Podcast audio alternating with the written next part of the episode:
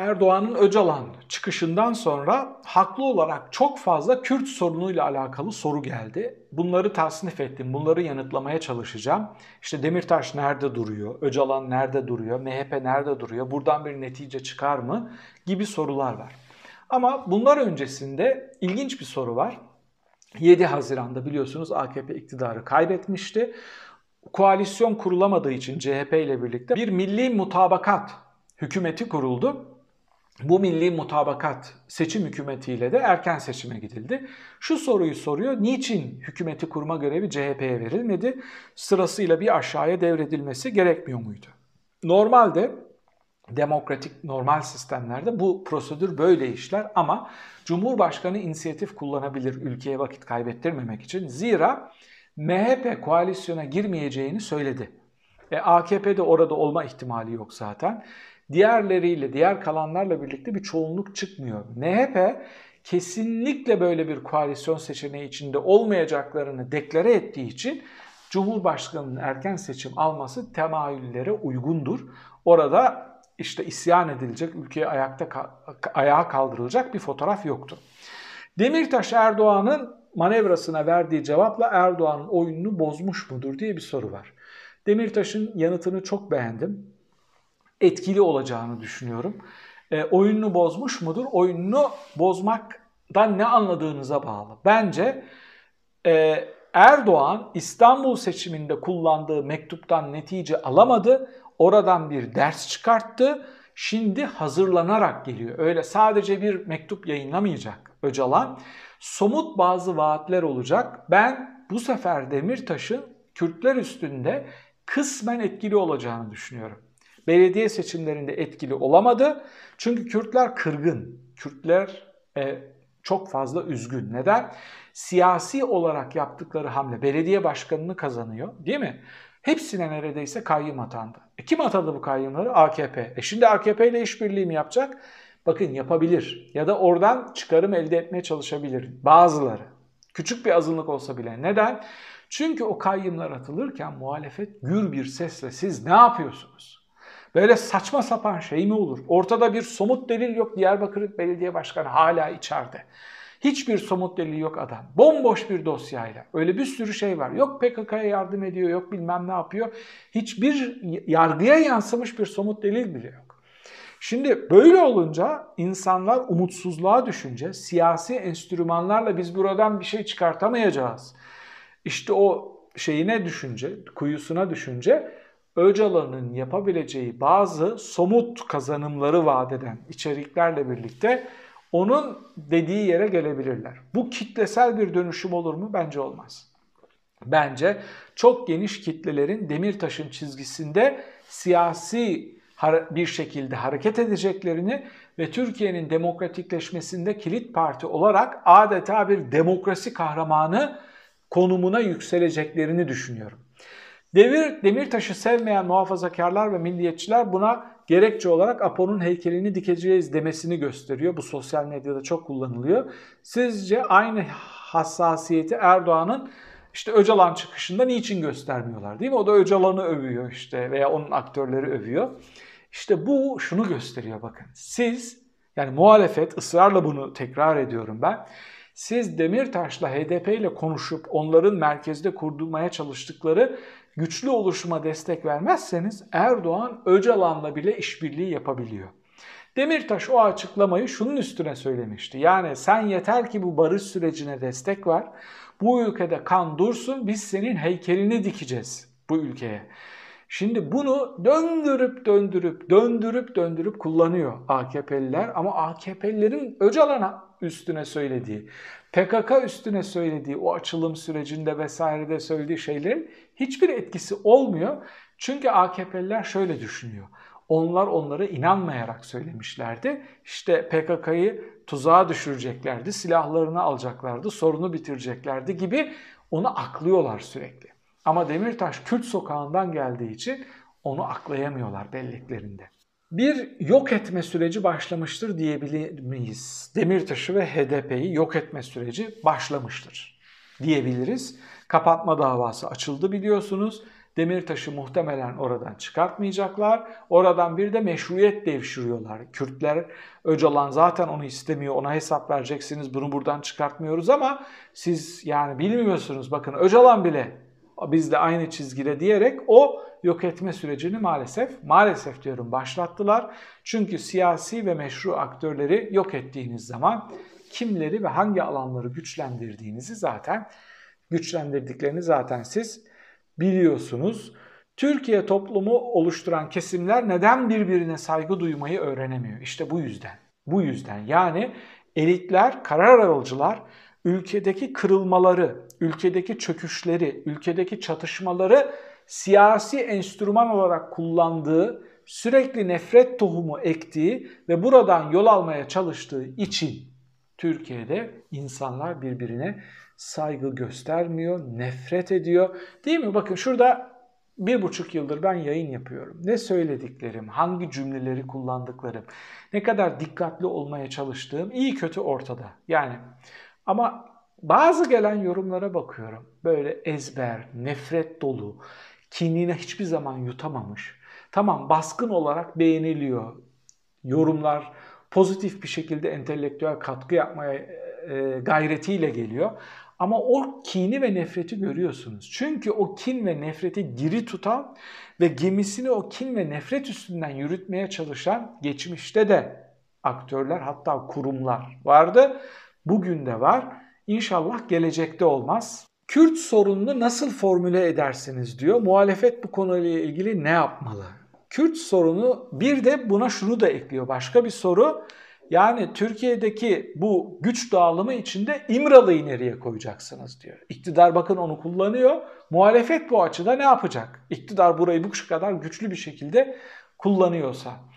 Şimdi Kürt sorununun tasviri ap ayrı bir video konusu hatta ap ayrı birkaç video konusu. Ama hiçbir Kürt iline gitmemiş, hiç orada gezmemiş, hiç o toplumla içli dışlı olmamış insanların ya da Diyarbakır'a gittiği zaman ciğercide gezip esnafla iki laf edip geri dönmüş insanları bu sorunu anlama ihtimali çok düşük.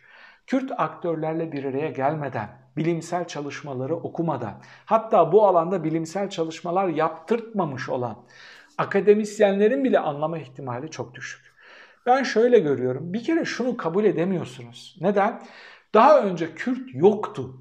Böyle devletin duruşu buydu. Kürdü yok kabul eden.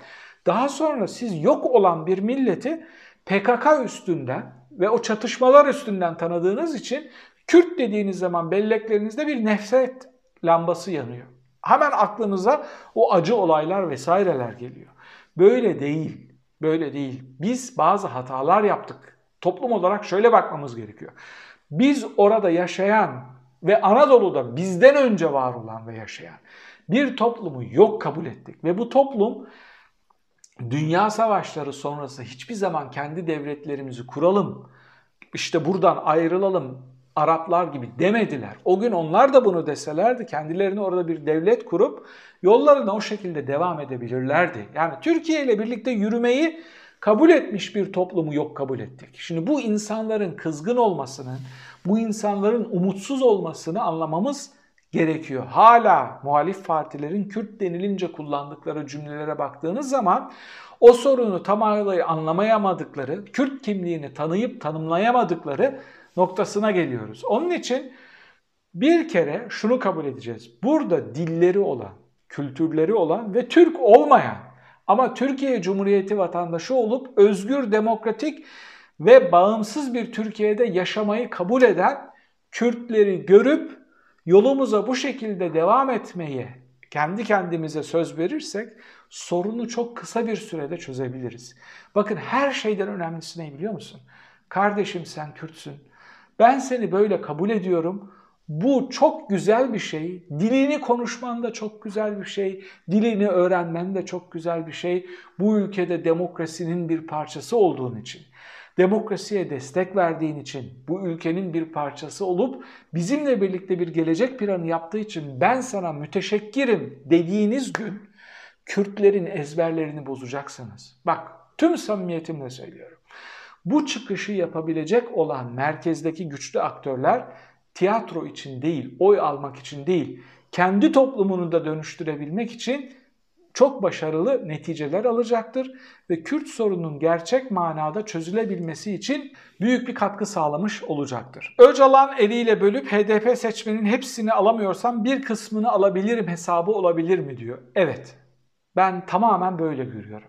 Tamamını alamazlar çünkü artık Kürtlerin yeni bir lideri daha var. Her ne kadar bazı Kürt e, izleyicilerim kızsa da müthiş bir Demirtaş sempatisi var ve Demirtaş'ın durduğu yerde durmayı kendine bir ödev olarak kabul eden ve bunu bu şekilde yorumlayan bir Kürt kitle var ama Erdoğan'ın hesabı şu. İşte dedim ya hep bunu yarın yorumlayacağım bunu detaylı olarak. Ama temel hesabı şu. Öcalan'la birlikte kopartabildiğim kadar kopartayım. Hepsini alma ihtimalim yok ama bunu yapayım. Evet muhalefet ve İmralı faktörü muhalefetin İmralı ile Öcalan'la birlikte yapabileceği hiçbir şey yok. Erdoğan yapabilir, kitlesi onu eleştirmez. Erdoğan'ın Öcalan'la alakalı ya da AKP'li aktörlerin Öcalan'la alakalı kurduğu cümlelerin onda değil yüzde birini muhalefet kursa partileri kapatılır, yasaklanır, taşlanır, saldırılır vesaire. Ama Erdoğan yapabilir, onlar yapabilir. Niçin? Biraz önce açıkladığım sebeplerden dolayı. Türkiye'nin gerçek sorunu ekonomi. Şimdi ekonomiyle alakalı sorulara geçiyorum. Türkiye'nin gerçek sorunu ekonomi değil ama ekonomi gerçek sorunların en önemlilerinden bir tanesi ama ekonomik çöküşün nedeni ekonomik olarak yapılan hatalar değil ya da sadece ekonomik olarak yapılan hatalar değil, hukuki, yargısal, demokratik özgürlükler açısından yapılan büyük hatalar, tek adam rejimi, dünyaya güven vermeyen ve öngörülemeyen bir ülke oluşumuz. Bir zamanlar İtalya'da vuku bulan temiz eller operasyonunun Türkiye'de olma ihtimali var mı? Var.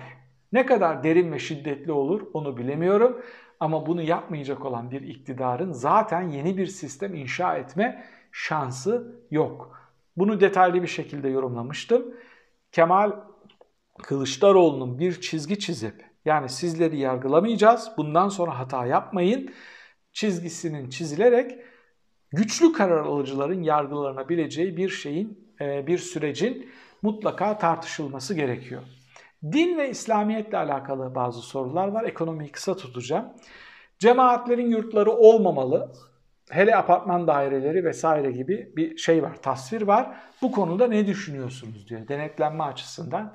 Şimdi bu konudaki yaptığım yorumu bazılarınız yanlış anlamış. Ben şöyle demiyorum. Tüm cemaatlerin yurtları çok iyidir, böyle olma. Hayır. Bakın kısmen bunların oynadığı pozitif roller de vardı. Bunları siz göremiyorsunuz. Özellikle laik izleyicilerim göremiyor. Neden biliyor musunuz? Biz şunu görüyorduk bakın. Bu dini kurumlara güvendikleri için kızlarını üniversite okutmaya başlayan bir kitle var Türkiye'de. Ben bunu kazanım olarak görüyordum. O bakın bu bir adım.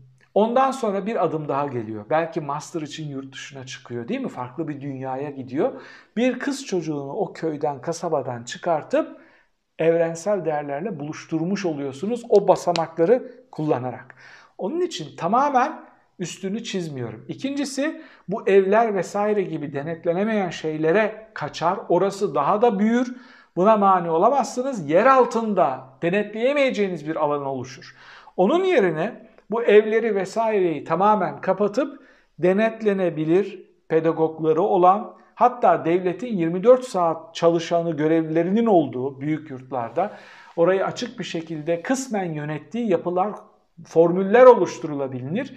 Bu e, şeyi, gücü, girişimi pozitif bir sahaya nasıl çekebiliriz onu yer altına itmektense.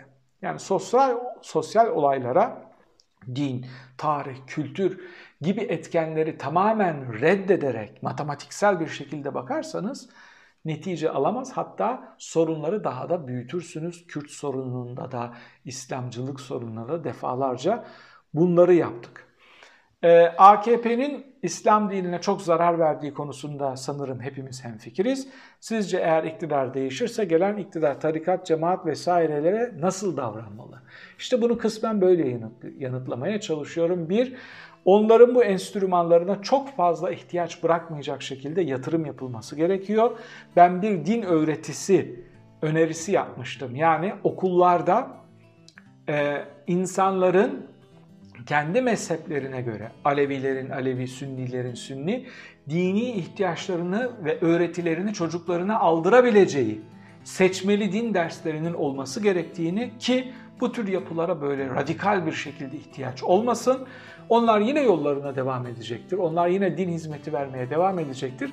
Ama devlet bu imkanı kendi denetiminde ve özel bir şekilde sunabileceği e, ortamların oluşmasını desteklediğimi söylemiştim. Şimdi genel olarak sorular bu istikametteydi. Din konusunda söyleyebileceğimiz çok fazla şey var ama onları sorular geldikçe yanıtlamaya çalışacağım. Bu haftalık cevaplıyorum köşesini burada noktalayalım. Bir sonraki videoda tekrar birlikte olmak üzere efendim. Hoşçakalın.